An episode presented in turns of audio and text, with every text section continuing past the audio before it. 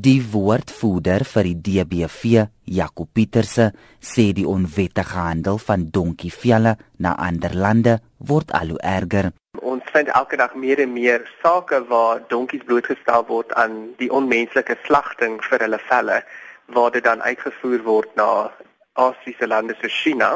Onlangs het ons 'n saak in die Vrystaat gehad waar die polisie die NDWV in kennis gestel het oor 'n trok vol donkies wat bestem was vir Lesotho waar hulle op 'n onmenslike en wreedaardige manier sou geslag geword het vir hulle velle. Die NDWV het toe ingetree en die donkies is toe gered. Pieter se sê meer moet gedoen word om skuilings te vind vir gesteelde donkies wat gered word. Ons probeer ons bes om die donkies in permanente huise te plaas indien dit moontlik is.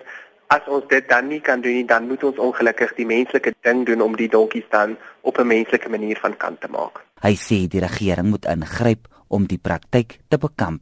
Ons doen 'n roeping op die regering om die ander Afrika lande te volg om 'n totale um, stopping op die uitvoer van donkieprodukte of donkievelle te sit en So kan ons dus die ehm um, onmenslike en onwettige uitvoer van die donkievelle stopsit. Dit was Jaco Pieterse, die woordvoerder vir die DBV.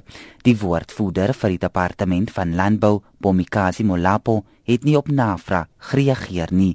Jean Estreisen, SAK nuus.